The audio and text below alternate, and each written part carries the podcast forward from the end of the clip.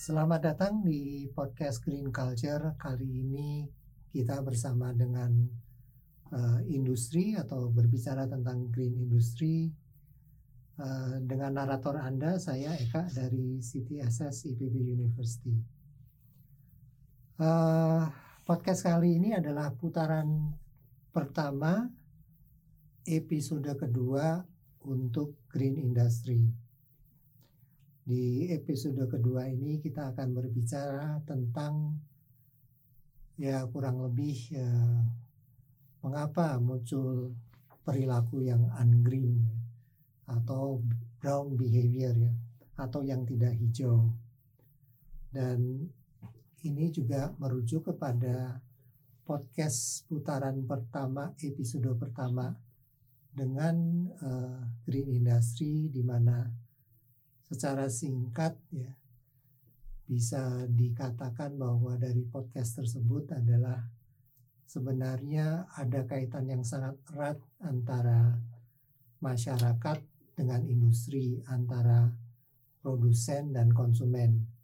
Kaitan yang sangat erat dan saling mempengaruhi jadi kalau satu pihak uh, menjadi green harapannya adalah pihak yang lain pun bisa mengikuti. Dan untuk podcast kali ini seperti biasa host adalah Ibu Damayanti Buhori dari CTSS IPB University dan co-host adalah Mas Fira dari IBCSD Indonesian Business Council Council for Sustainable Development. Ya. Saya suka salah jadi selalu mencari pegangan ini mana yang benar ya menyebutnya ya jadi saya persilahkan uh, Mas Wira sama Bu Dami untuk mulai hmm. oke okay. uh, eh, terima kasih Mas Eka selamat datang Mas Wira terima kasih Bu Dami sehat sehat alhamdulillah hmm. Jadi uh, para pendengar selamat datang kembali ya sekarang kita bicara uh, tentang ya masih lanjutan tentang green industry. Tapi kalau kemarin kita ngobrol sama Ibu Indah, sekarang kita ngobrolnya sama Pak Wira. Nah, sebelum kita mulai ngobrol-ngobrolnya mungkin biar pendengar jadi tahu nih Mas Wira ini siapa. Jadi kalau bisa okay. dijelaskan aja dulu siapa gitu monggo. Oke, okay, eh, makasih Bu Dami dan juga Pak Eka tadi yang sudah memberikan uh, pengantar. Saya Wira, saya Program Development Manager dan External Engagement IBCSD, Indonesia Business Council for Sustainable Development. Uh, terima kasih atas undangan boleh ikut bincang-bincang untuk mendorong uh, gaya hidup yang lebih ramah lingkungan ya untuk hmm. khususnya untuk semua uh, para pendengar dan juga masyarakat secara keseluruhan. Hmm. Oke. Okay. Uh, Mas Eka tadi for sustainable development bukan on sustainable development. Minta maaf ya for. Dari tadi saya mikir ini kayaknya for deh, for apa on ya. But anyway, jadi kita lebih tahu ya, yang lebih yang for, tepat ya. apa ya. Oke, okay. ngomong-ngomong nih panas banget nih memang sengaja itu ya. Memang sengaja dimatikan ya nggak apa-apa sambil ngobrol-ngobrol. Oke, okay. Uh, kalau kita bicara tentang green industry ya, ya dari Mbak Indah kita sudah mendengar banyak lah apa yang hmm. dimaksud dengan green industry. Um, sekarang kita uh, ingin menyentuh lanjutan dari green industry dan salah satu yang kemarin disentuh oleh Mbak Indah itu uh, dia menyampaikan tentang circular economy itu. Jadi rupa-rupanya ketika kita bicara green industry circular economy itu uh, merupakan bagian yang kayaknya penting banget ya untuk green industry. Bisa hmm. dijelaskan itu apa itu circular economy dan apakah memang sedemikian penting bagi yeah. green industry? Iya, uh, terima kasih Bu Dami. Memang saya kira betul ya. Uh, jadi uh, circular economy atau mungkin kalau untuk memahami circular economy mungkin lebih mudah dipahami dengan membandingkan dengan lawan katanya ya yang biasanya hmm. dipertentangkan itu dengan uh, model ekonomi linear ya. Ah, linear kan oke. garis uh, bawah ke atas gitu ya, lurus ya. Ah, Sementara circular itu dari kata circle yang lingkaran gitu. Jadi dua model yang berbeda. Nah, dalam model eh, ekonomi yang linear itu yang pertama itu jadi proses produksi itu lebih simpel. Jadi eh, make membuat lalu use menggunakan habis itu Hmm. langsung dispose, langsung Hmm. dibuang mm, ya jadi linear jadi bisa dibayangkan kalau setiap make itu membuat bahan baku ya menggunakan bahan baku dan bahan baku itu diambil dari alam sehingga kalau make eh, use dispose ya membuat digunakan dibuang membuat eh, digunakan dibuang di situ ada dua masalah setidaknya yang pertama ketika membuat itu kan dibutuhkan bahan baku dan bahan baku itu tersedia di alam yang terbatas mm. jadi ketika kita eh, langsung mengeruk semakin banyak itu akan berdampak kepada lingkungan juga. Dan Hmm. itu juga kaitannya dengan lingkungan yang terbatas gitu. Lalu yang ketiga ketika kita membuat dibuang ya itu dibuang itu taruh di mana tuh? Nah, itu akan limbah. menimbulkan sampah ya. Mm, mm. Akan menimbulkan waste dan sampah itu eh ya bisa dampaknya bisa bermacam-macam.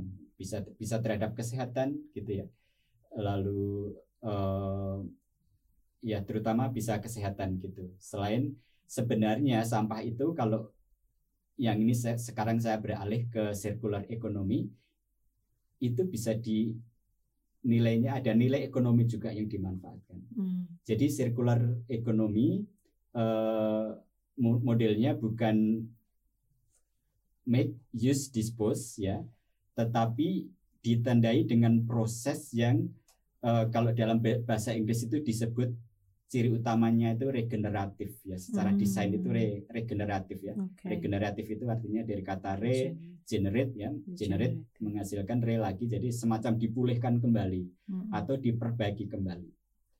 Eh, dan tujuannya untuk mempertahankan nilai tadi itu supaya eh, bahan baku maupun juga produk yang dibuat maupun juga komponen-komponennya itu dari produk itu bisa dimanfaatkan secara panjang dan berkelanjutan gitu ya. Eh, jadi atau ditandai dengan tadinya 3R ya. Tapi sebenarnya 3R ya re- bisa di reduce Jus. reduce yang mengurangi bahan baku supaya nggak langsung mengeruk alam merusak alam Mm, lalu reuse, Reuse. ya digunakan kembali lalu recycle didaur ulang mm, jadi sampah tadi itu tidak langsung dibuang terus berhenti tetapi diambil nilainya lagi dimanfaatkan lagi eh, sehingga bisa saja manfaatnya itu diperpanjang ya dengan memperbaiki produk itu rusak sedikit kalau kita banyak punya baju dulu zaman dulu dijahit ditempel ya tidak Mhm. langsung dibuang Iya. itu sebenarnya dalam arti tertentu juga resek eh, circular economy karena Iya. memperpanjang ini usia, Usia barang baju. itu gitu sehingga tidak langsung disampah ya dan Mm. juga tidak eh, mengambil bahan baku yang banyak karena kalau dibuang kan harus bikin lagi Mm. ngambil bahan baku lagi nah itu yang dari reduce-nya ya eh, reuse-nya ya lalu recycle recycle recycle ya didaur ulang itu bisa dimanfaatkan lagi gitu Eh, bisa untuk industri yang sama tetapi bisa untuk cross sektor ya Hmm, cross hmm. eh, industri yang lain gitu Mm, mm. gitu Bu Dami jadi misalnya eh, kalau yang sebagai contoh itu yang ini misalnya di semen ya industri semen jadi kalau ada beberapa sampah itu yang sampah digunakan itu bisa diolah dan itu bisa dijadikan bahan baku untuk semen namanya Oke. klinken gitu jadi campuran lah komponen gitu Oke. nah itu artinya didaur ulang juga Mm. gitu. Tapi kalau gitu circular economy itu yang lebih punya kepentingan terhadap circular economy adalah pemerintah masyarakat mungkin ya industri nggak begitu peduli dengan circular economy benar nggak atau salah saya Nah, sebenarnya itu dia. Eh, sebenarnya circular economy itu ya, yang kalau mungkin dampaknya secara langsung memang mungkin perhatian ke pemerintah ya karena pemerintah harus buat peraturan sehingga uh, dampak misalnya sampah itu tidak mengganggu gitu hmm. atau juga masyarakat ya misalnya kalau lihat timbunan sampah itu pasti kan terganggu juga kan bau gitu misalnya ya, kalau hmm. nggak dikelola dengan baik uh, tetapi industri mungkin bukan dampak negatif itu tetapi industri itu biasanya motivasinya kan biasanya ada dua kalau dia berbuat sesuatu. Okay. Yang pertama resiko, terus yang kedua ada opportunity di situ. Hmm. Nah, kalau industri, saya kira ini menjadi potensi yang luar biasa. Ada pot economic uh, opportunities yang luar biasa uh, kalau industri mau uh, bersikap inovatif gitu ya, melakukan inovasi-inovasi sehingga uh, mampu melakukan model bisnis yang sirkular ekonomi. Sebenarnya ini hmm. ceritanya panjang ya, sebenarnya ceritanya panjang, tapi mungkin karena itu ada kaitannya kenapa itu akan ada dampaknya secara ekonomi. Karena itu ada kaitannya pertama mengenai bahan baku, mengenai okay. risiko. Itu kita nggak tahu sekarang mungkin istilahnya itu alam masih ada ya. Kalau hmm. kita nyedot bahan baku itu mungkin masih ada gitu. Hmm.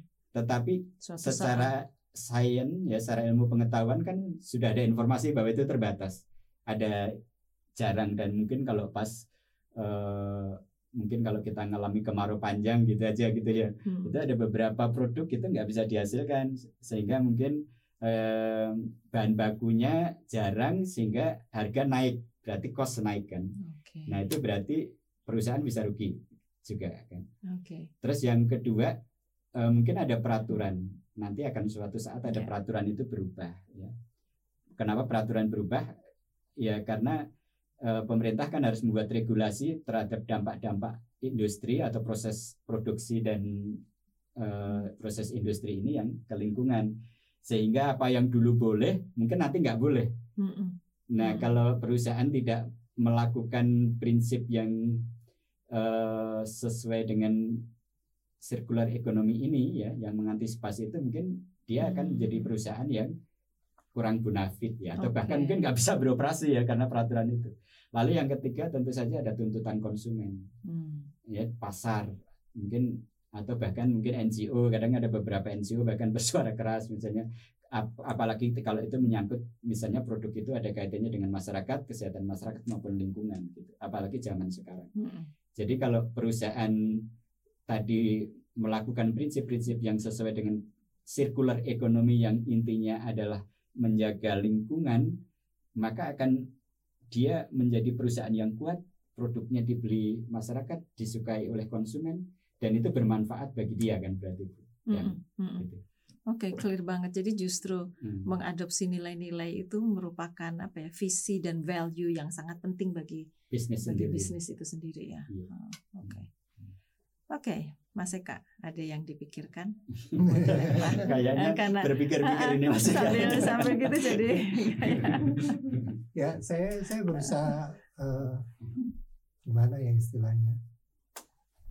Kebetulan beberapa hari yang lalu saya baca artikel ya salah hmm. saya saya nggak artikelnya eh, nggak saya baca terlalu konsen ya tapi intinya kurang lebih seperti ini ya. Hmm di artikel itu menulis bahwa ada produsen bohlam ya. hmm. saya lupa namanya siapa hmm. ya dan di mana uh, produsen bohlam ini kalau nggak saya salah ingat ya hmm. tidak menjual produknya tapi menyewakan oh iya menyewakan itu dalam arti bila mana bohlam itu mati hmm. dia akan menggantikan dengan bohlam baru hmm. bohlam lama itu dia tarik kemudian dia recycle yeah. sebagai hmm. bahan baku. Yeah. Ya. Mungkin seperti itu ya Mas Wira kira-kira ya. Iya. Model bisnisnya jadi begitu ada perubahan ke arah seperti itu ya. Iya. Tepat sekali Pak Eka. Jadi itu salah satu contoh sebenarnya. Iya. Salah satu contoh atau uh, contoh konkret dari ekonomi sirkular itu. Okay. Kalau si pernah ada penelitian yang dilakukan oleh uh, orang tuanya IBCSD di level dunia namanya World Business, Council for Sustainable Development. Uh, eh, WBCSD WBCSD uh, itu di level global ya biasanya di Swedia. Jadi dia melakukan penelitian bagaimana model-model circular economy ini diterapkan. Uh, penelitian itu dilakukan dengan Accenture. Jadi ada tiga model. Yang tadi bolam yang tadi dicontohkan oleh Pak uh, Eka itu itu model product as a service hmm. gitu. Jadi orang misalnya ada perusahaan itu bikin produk nggak dijual, konsumen itu nggak dijual, nyewa. Hmm. Nyewa. Kayak nyewa gitu. Hmm. Sebenarnya itu nanti akan berkembang. Sekarang belum banyak ya. Tapi hmm. saya yakin ini suatu saat akan berkembang. Jadi kayak nyewa dulu ada CD ya, video itu ya, mm-hmm. oh, iya. gitu. VHS. Ya. Nah itu kalau di Eropa saya dengar itu tidak hanya bolam pak, jadi ban ban ya. Ban mobil. Ban mobil. Disewa. Kan, ya. Oh. Selama ini kan kita beli. Iya. Hmm, kita jual juga harganya nggak laku ya. Kita tumpuk rumah kita sempit. Hmm. Apalagi ban motor ya banyak sekali ya. Hmm. Ban mobil ya juga banyak. Nah itu artinya sampahnya hmm. timbulnya banyak sekali. Hmm. Nah kalau itu disewakan sebagai servis, nah ini pak, jadi dia kan mengurangi bahan baku ya. Okay. Jadi dan sebenarnya mungkin harganya juga lebih murah ya karena itu nanti kalau udah rusak kita laporan ke kita beli itu ya hmm. terus mungkin diganti hmm. kalau misalnya sudah nggak bisa tapi kalau mungkin masih bisa diperbaiki gitu hmm. nah maka ada prinsip uh, dalam circular ekonomi itu juga repair atau memperbaiki atau refurbishment ya hmm. jadi memperbaiki yang bagian sedikit rusak sehingga bisa digunakan lagi jadi itu yang uh, produk as a service Pak model pertama. Ada empat model lain itu uh, namanya sharing platform. Hmm. Jadi ada uh, platform untuk supaya antara pembeli dan penjual itu bisa bertemu. Karena kalau kita punya produk ya, misalnya kita punya ban bekas gitu, kita kan nggak tahu dijual ke mana nih. Hmm. Kalau tidak ada platform. Nah, ketika ada platform uh, yang mempertemukan antara penjual dan pembeli ini akan bagus sekali. Jadi semua barang-barang yang nggak digunakan itu nggak ditumpuk, nggak menjadi sampah, ya tidak e, menimbulkan radiasi juga langsung diambil gitu pak oleh hmm. mungkin diproses ke industri lain. Itu yang model kedua. Terus yang ketiga itu yang e, namanya resource recovery. Jadi di apa di pulih apa digunakan kembali atau ya seperti tadi itu misalnya hmm. plastik sampah plastik hmm. ada member kami itu yang membuat sampah plastik dibuat menjadi palet hmm. ini namanya recovery model ketiga hmm. lalu yang model keempat itu uh, memperpanjang usia produk itu pak hmm. dengan cara tadi itu kalau masih bisa diperbaiki perbaiki hmm. gitu sehingga masih bisa digunakan ini sebenarnya juga cara hidup juga sih gaya hidup ya green lifestyle lalu yang ketiga itu menggunakan energi yang yang mudah diperbarui ya misalnya seperti uh, yang sederhana nanti yang biomasa itu yang baik dari kotoran ternak atau dari sampah dari waste to energy misalnya hmm. itu kan menggunakan waste untuk bahan baku untuk energi itu pak. Jadi ada lima model ya. Selain yang dikatakan bahwa itu hanya salah satu saja uh, produk as a service. Jadi produknya sebaik untuk disewakan untuk pelayanan tidak dijual. Gitu. Sebetulnya kayak orang ini ya nyewain mobil. Jadi kita nggak perlu nggak perlu beli mobil tapi kita nyewa. Betul, betul. tapi kalau itu harganya lebih mahal ya sebetulnya. Kalau ini malah lebih murah makanya nanti. dan kita nggak perlu repot memperbaiki kan. Nggak hmm. perlu repot menyediakan garasi. Hmm. gitu. Jadi uh, artinya ya kayak kita naik grab gitu kan? Yeah, yeah. Uh, istilahnya kita nggak kan nggak beli mobilnya. Kita sewa gitu. Tapi itu mungkin nanti ke depan tidak hanya Grab saya dengar handphone itu juga. Karena kita tahu mungkin Budami Pak Eka ada punya berapa handphone yang bekas. Yang tahu aja tahu aja. Bahkan nah, power bank kan juga gitu ya, ya power, power, power bank, bank disewa-sewain gitu. juga ya iya power bank misalnya gitu jadi modelnya nanti akan akan banyak gitu pak kayaknya hmm. model gitu ke depan menarik ya jadi iya. industri bisa berkembang ke mana-mana ya betul makanya itu yang saya sebut sebagai opportunities bu ah, tidak okay. sebagai ini ya hanya masalahnya uh, hmm. gimana gitu jadi tadinya hmm. saya mikir yang disebut green industry hmm. ya karena saya orang zaman dulu kali ya hmm. yang disebut green industry itu oh pasti industri yang prosesnya hijau gitu. Hmm. Jadi prosesnya adalah limbah sedikit mungkin, hmm. kemudian tidak merusak lingkungan, socially responsible, kemudian uh, apa lim, uh, menggunakan circular economy hanya begitu aja. Tapi hmm. tadi mendengarkan Mas Wira ini, yeah. wow, saya terpana. Yeah. Jadi ternyata luas sekali sebetulnya tuh yang disebut green yeah. industry. Betul, Sampai yang... kelima model itu juga yeah, masuk ya. Sekarang modelnya hmm. lima itu, tapi bisa aja kemudian nanti ke depan karena inovasi ya ada hmm. penelitian lagi atau ya kan perusahaan ini biasanya punya riset and development ya bisa aja yeah. kan itu akan ada model lain. Tapi yang Budami sebutkan itu memang aspek iya gitu ya. Artinya kalau green industry ya pasti harus menguasai mengurangi sampah pengelolaan sampahnya ya. Mm-hmm. E, lalu juga mungkin energinya lebih bersih. Tetapi itu tidak cukup. Artinya mm. necessary but not sufficient. Oke. Okay. Gitu. Hmm, gitu. Perlu tapi nggak cukup. gitu. Nah ini uh, kalau boleh nyela lagi nih ya, yeah. saya saya punya pengalaman nih, pengalaman langsung nih. Hmm. Jadi uh, ada yang pernah uh, mendekati saya dan mengatakan hmm. ini kami punya produk nih hmm. produk ini adalah alat tes kesehatan hmm. sebagai preliminary ya hmm. preliminary hmm. yang bisa menggantikan beberapa alat sekaligus jadi kalau misalnya sekarang uh, untuk melakukan tes kesehatan pakai lima alat cukup pakai alat ini yeah. tapi alat ini saya nggak jual ya Hmm. Yang saya jual adalah uh, servis saya. Jadi kamu pakai alat ini, kamu nggak beli, uh, gunakanlah. Pada hmm. saat kamu menggunakan, data langsung muncul, itulah yang kami tagih. Hmm. yang ditagih maksudnya apa? Penggunaan alat untuk maka, Oh, uh, ketika alat itu dipakai, maka hmm. baru ditagih. Ya, ah. tagih servisnya ya, hmm. tagih servisnya dan datanya tuh taruh di cloud jadi bisa diakses di mana aja dan segala macam ya. Iya. Ya.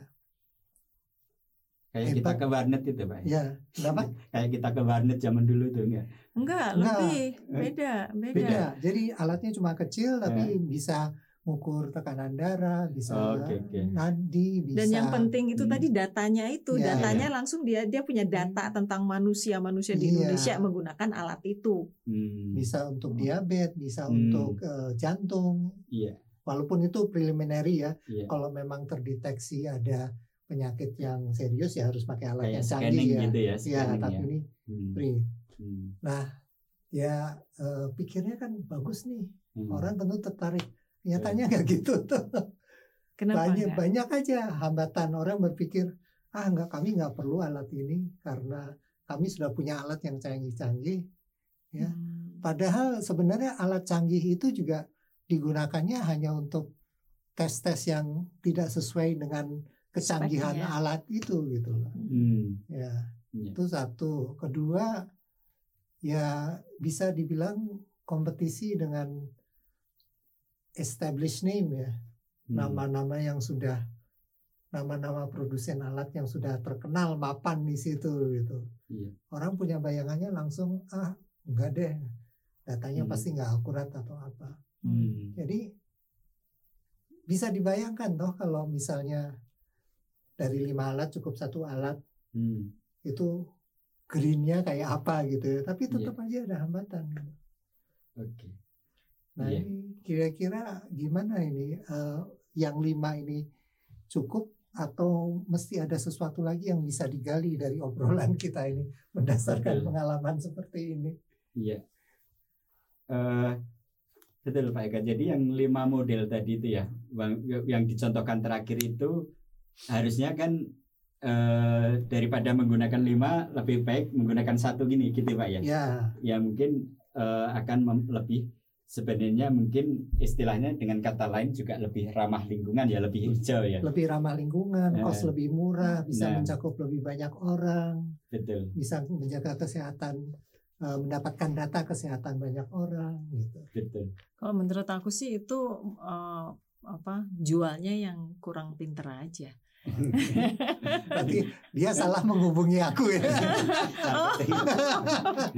Iya, tapi mungkin itu mencerminkan ini ya, mungkin ada aspek lain. Eh. Pernah ada riset tentang mungkin saya kaitkan dengan topik tentang circular economy ya. Karena yeah. tadi yang dicontohkan Pak Eka sebenarnya ada kaitannya dengan model sebenarnya efisiensi ya mm -mm, untuk efisiensi. Karena daripada ban membuat lima itu bahan bakunya berapa energinya berapa Iya, gitu. Iya. Nah itu eh, memang dalam pelaksanaan resik apa circular economy tadi itu, yang model circular economy itu justru tantangannya lebih ke ke culture sebenarnya. Hmm. Lebih ke culture artinya juga konsep pemahaman, Pak. Jadi pemahaman atau awareness ya. Dan eh ya, itu juga ketika survei itu diterapkan di perusahaan. Iya. Jadi Oke. halangan pertama itu ternyata bukan keuangan, bukan teknologi loh. Oke. Tetapi lebih ke culture. Hmm. Ketika eh, circular economy itu diterapkan gitu. Karena orang udah biasa dengan eh, misalnya eh, eh, pakai eh, eh, beli, pakai, buang gitu. Itu Hmm. kadang lebih mudah Iya. dalam hal tertentu ya. Iya. Mungkin itu kadang gaya hidup apalagi kalau pakaian ya mungkin ya orang orang nggak mikir bahwa untuk membuat pakaian ini orang nggak tahu loh berapa itu sebenarnya air yang digunakan untuk mencuci bahan kimia itu misalnya. Iya. Iya. lalu berapa dampak eh, ki- bahan kimia limbah itu Hmm. kimia itu Hmm. orang nggak pernah beli beli tahunya ya wah ini bagus beli wah, beli gitu nah mungkin sekarang istilahnya kesadaran orang juga belum pada di apa ya dihadapkan pada resiko yang betul-betul manusia nggak bisa mengelak kayak covid ini ya mungkin tapi kalau mungkin dampaknya seperti covid ini mungkin manusia baru sadar juga nih oh, saya harus Hmm. berubah nih. jadi maksud saya itu tampaknya bisa aja pak mungkin nggak beli ya karena memang justru itulah tantangan salah satu Iya. tantangan untuk beralih dari linear ke sirkular tadi itu Hmm. eh, aspek budaya sebenarnya aspek culture dan itu ada kaitannya juga pemahaman eh, gaya hidup ya dan keputusan akhirnya karena itu mungkin kalau saya perbaiki gitu ya mungkin kalau zaman dulu kan mungkin karena nggak ini ya nggak ada ya Hmm. secara ekonomi nggak mampu Hmm. tapi sekarang mungkin bukan karena nggak mampu tapi karena pertimbangan lingkungan ya maka saya saya nggak baju ini saya pakai lagi Hmm. Hmm. gitu Nah, saya perbaiki rusak Menarik sedikit. ini kalau isunya Hmm. culture karena iya cocok dengan skema besar kita green culture Iya, itu. Jadi iya. ketika kita ngomong tentang green industry, ternyata Iya. faktor budaya itu merupakan faktor penting banget untuk melihat Iya. apakah uh, green industry ini bisa Betul. jalan atau tidak. Betul dan mungkin saya mau mencontohkan yang mungkin saya ini ju- juga kelemahan diri saya juga Bu dan saya yakin ini kelemahan banyak orang gitu. Ada kaitannya dengan sampah ya khususnya sampah makanan. Mm-mm. Coba kita ini tanya pada diri sendiri gitu makanan yang di kulkas kita Mm-mm. yang nggak kemakan gitu ya. Iya, Hmm. saya sering tuh sampai bulukan tuh lupa ada di situ. Itu karena ada dampaknya terhadap lingkungan ya. Iya. Emisi apalagi yang Budami ini pasti tahu lah gitu bahwa eh, mungkin sayur itu dibikin ada perlu air ya Iya, terus perlu pupuk. transport pupuk dan lain-lain juga kalau nggak hati-hati ya artinya mungkin sekarang murah ya artinya mungkin bahkan Iya. mungkin juga nggak beli tapi ketika itu nanam sebenarnya kan ada biaya yang mungkin orang nggak sadar Mm-mm. nah itu mungkin salah satunya bahwa gaya hidup itu nggak istilahnya nggak eh, culture itu nggak yang muluk-muluk ya tetapi juga yang keseharian juga gitu Iya. Budami dan Pak Eka bisa betul, betul. Hmm. Menarik banget.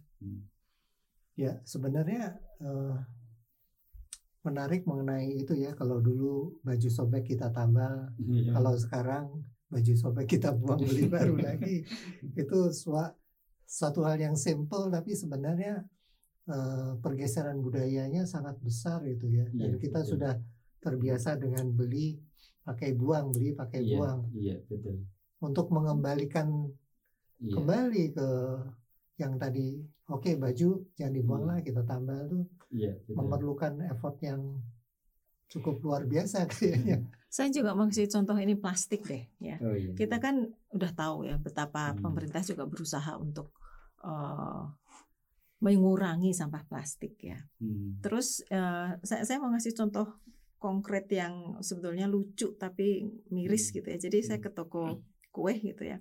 Terus mereka mereka memang kita harus bawa plastik sendiri untuk tas Hmm. membawa itu karena mereka sudah tidak tidak punya plastik lagi kan ya. Iya. Tapi sebetulnya dari tiap kue yang kita beli, ya misalnya saya bilang mau klepon dua, mau Hmm. eh, cente tiga, mau itu, itu kemudian dia ambil kleponnya, terus dia masukin ke plastik kecil-kecil. Hmm. Jadi walaupun nggak ada plastik Iya. kreseknya, itu begitu Iya. banyak plastik kecil-kecil. Jadi saya pikir ini Hmm. ini namanya perusahaan atau uh, pabrik Hmm. roti or whatever toko roti ini Iya. dia belum menangkap the Betul. essence off green itu gitu kan. Oke okay, sampah apa kreseknya nggak ada. Tapi yang kecil-kecil dia nggak menganggap itu plastik. Jadi iya. uh, kalau saya melihat uh, green industry ini seperti tadi Mas Wira katakan ya it's about the culture. Hmm. nah uh, bukan hanya culture dari hmm. industri untuk membangun uh, produknya itu tapi kemudian masyarakat konsumennya juga dan mungkin pemerintahnya juga ya iya. dengan policy-policy yang harus dia terapkan dan sebagainya. Iya. Kurang lebih seperti itu yang disebut green industry mau nggak mau kemudian touching. Betul. Uh, iya. Other sekali. Iya. Hmm. Kalau boleh menambahkan dari yang disampaikan Bu Dami poin dua poin Bu Dami terakhir ya selain bahwa itu eh, perhatian industri tetapi juga konsumen ya dididik untuk menggunakan atau meminta lah hmm. dididik untuk meminta atau bisa membeli atau berbelanja yang ramah lingkungan tadi kan lalu pemerintah bikin regulasinya gitu ya lalu memang ada aspek yang eh, teknologi juga sih sebenarnya infrastruktur kalau industri artinya hmm. ya mungkin eh, misalnya tadi itu yang bungkusan-bungkusan kecil itu bu ya mungkin harus dibeli dipikirkan alternatifnya apa ya gitu ya iya. misalnya kemasan gitu atau dibikin regulasi lah ya nggak boleh kan sekarang dengan yang KLHK itu baru mengeluarkan permen LHK nomor 75 tahun 2019. Waduh apa? Harus ada pelatihan memfasilitasi. Itu intinya adalah pengelolaan sampah oleh produsen. Hmm. Ya, salah satunya itu nanti akan diatur mengenai uh, kemasan yang kecil-kecil itu. Oh, kan sekarang ada yang modelnya sunset itu kan. Iya. Nah, nah itu uh, permen itu mensyaratkan dari mungkin nanti dari produser ya misalnya uh, sekarang produser kopi gitu kan sekarang ada kemasan kecil-kecil sunset sunset itu. Hmm. Nah itu harusnya itu pemerintah itu nanti nggak boleh itu karena hmm. seperti dikatakan Budami itu ya hmm. kantongnya dilarang tapi ternyata hmm. itu Nah itu eh, sekarang dengan Permen LHK 75 mengenai pengelolaan sampah ini yang intinya sebenarnya juga untuk supaya menerapkan 3R tadi Bu yang reduce hmm. lalu reduce juga recycle. Nah salah satunya supaya perusahaan itu bikin roadmap lah target lima tahun ke depan misalnya saya memang disyaratkan sampai 2029 itu menurut Permen ini harus mengurangi 29 persen. Oke. Okay. Ya, wow. Jadi misalnya kalau saya sekarang 100% sunset gitu ya mm-hmm. nah ini ada ada roadmap tuh sampai 2029 ya mungkin karena 2030 kan SDGs itu ketahuan mm-hmm. itu eh, 30% seperti apa gitu kan itu maksudnya untuk kalangan industri. Iya, mereka untuk, semua harus memikirkan bagaimana mengurangi. Iya, pengelolaan oh, sampah itu, pengurangan pengelo, istilahnya pengelolaan sampah oleh produsen. Oke. Okay. Dan salah satunya ya reduce oh. tadi itu makanya. Dan uh, itu ada beberapa kriteria teknis ya tapi salah satunya karena Budami tadi menyebut mengenai bungkus-bungkus plastik mm -hmm. kayak kue gitu mm -hmm. tapi itu sebenarnya kan bukan hanya bungkus kue tapi juga minuman sunset iya. semua sunset sunset iya, gitu plastik plastik gitu hmm. oke okay. nah di situ kemudian pentingnya policy memang pemerintah iya. harus tegas ya iya. mengatakan itu hmm. oke okay. um, oke okay, ini kalau melihat waktunya mungkin sudah sudah habis ya? Hmm. Oke, okay. tapi sebelum habis mungkin kalau bisa um, ada coba saya lihat ya kalau dari diskusi ini. Um, ah ini ada pertanyaan terakhir mungkin ya. Hmm. Jadi tadi kita sudah ngobrol tentang apa circular ekonomi dan sebagainya. Nah, untuk uh, baga uh, pertanyaan terakhir ini, bagaimana hmm. penerapan circular ekonomi dalam industri saat ini? Jadi, menurut Mas Wira sendiri, sejauh mana memang industri siap untuk menerapkan hmm. itu. Kita tuh masih kalau kita melihat tadi sebuah roadmap ya, kita ini masih di awal banget atau kita sudah sepertiganya atau kita hmm. masih 0, anu, gimana atau mungkin industrinya juga macam-macam tergantung industrinya tapi overall kalau Mas Wira sebagai IBCSD melihat hmm. industri Indonesia selama ini kira-kira apakah memang kita sudah siap ini untuk menerapkan circular ekonomi? Iya. Uh, sebenarnya kalau ditanyakan kesiapan ini ya bahkan di level global pun juga boleh dibilang nggak siap ya. okay. karena nilai circular ekonomi sekarang itu nggak ada 9% di level hmm. global Iya, hmm. jadi sedikit sekali ya. Sedikit sekali dan bahkan sampai sebelum ah. pandemi itu tadinya 9% ya. Akhirnya hmm. 8, sekian persen turun sedikit kan ada namanya circular economy report itu tiap hmm. tahun. Gitu. Jadi eh, memang ini bukannya kesiapan tapi mungkin kalau dari sisi bisnis melihatnya peluang juga sebenarnya Mm-mm. karena itu ada kaitannya nanti yang tadi disebut eh, kelangkaan bahan baku lalu juga regulasi tetapi juga competitiveness ya Mm-mm. karena perusahaan yang circular economy ini keren ya keren banget gitu Mm-mm. kenapa keren karena menjaga lingkungan menjaga kesehatan kita sendiri gitu ya Mm-mm. kita concern generasi mendatang nah yang Bapenas itu baru saja membuat eh, kajian juga mungkin laporannya sudah ada mungkin bisa dicek di Bapenas itu mengenai eh, jadi membuat memetakan mengenai nilai ekonomi circular ekonomi di Indonesia. Hmm. itu ada lima sektor yang diteliti eh, food lalu tekstil terus infrastruktur terus eh, retail ya plastik lalu yang terakhir elektronik. Oh ya sampah elektronik gitu nah itu ternyata potensinya itu besar banget gitu Hmm. Eh, potensinya gede banget dan saat ini kalau ditanya kesiapan studi itu kalau saya nggak salah nangkep itu eh, s- sedikit sekali ya kalau dari data dari KLHK itu mungkin yang sampah-sampah yang dikelola di TPA itu yang digunakan itu tidak mencapai 12% gitu. Mm-mm. Jadi jadi kecil sekali tetapi juga banyak yang sekarang sudah ada ya. Misalnya yang tadi saya sebutkan perusahaan yang mengubah dari waste menjadi energi ya seperti untuk biomasa itu Mm-mm. atau waste menjadi produk lain ya seperti plastik bekas menjadi palet ya. Hmm. Itu ada perusahaan yang bikin. Tetapi itu masih kecil. Mm-mm. Makanya tadi Belum disebut banyak. datanya itu 9%. Jadi potensinya masih luar biasa. Mm-mm. Mungkin itu Oke. yang harus menjadi peluang dan Iya. didorong juga Iya. gitu. Saya boleh share satu hal ya karena saya orang serangga gitu ya. Hmm. Itu kalau kita bicara circular economy untuk serangga itu luar biasa loh. Jadi Oh ada iya, jenis. betul. Jadi ada kalau kita bicara food waste Iya. ya. eh, limbah-limbah organik itu kemudian dikasih black soldier fly ya. Jadi Hmm. lalat tentara hitam ya. Sebenarnya terjemahannya salah.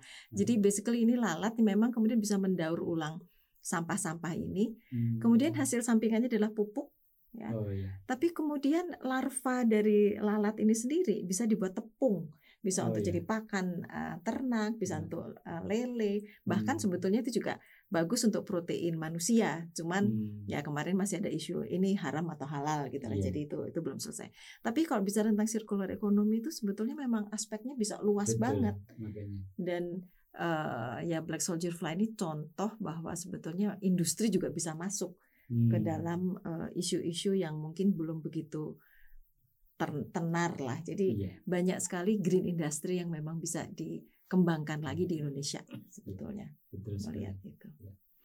Oke, jadi waktunya sudah habis. Mungkin terima kasih banyak Mas Wira. sebelum sebelum ditutup sorry sebelum Iya, ditutup memang ya. saya akan melemparkan kembali kepada Mas Eka gitu. Iya, Jadi oke. terima kasih kepada Mas. Wira, saya kembalikan kepada Mas Eka.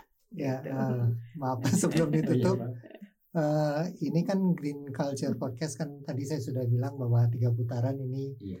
adalah putaran pertama kita bicara tentang eh, apa sih yang dimaksud dengan tidak hijau ya Hmm. dan sudah ada dua episode dan kalau bisa saya eh, bukan simpulkan ya saya sejauh ini yang kita bicarakan ternyata untuk eh, membuat menjadi green itu dipandang dari sudut industri itu culture juga sangat berperan ya. Nah, putaran keduanya adalah ada apa sih di balik itu semua?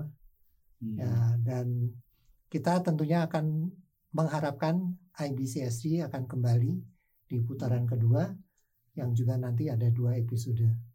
Untuk itu saya ucapkan terima kasih Terima kasih. kepada Bu Dami dan Mas Wira. Terima kasih, Pak. Kita akan bertemu di putaran kedua. Oke. Terima makasih. kasih. Sehat selalu. Terima kasih. Sampai ketemu Iya. lagi.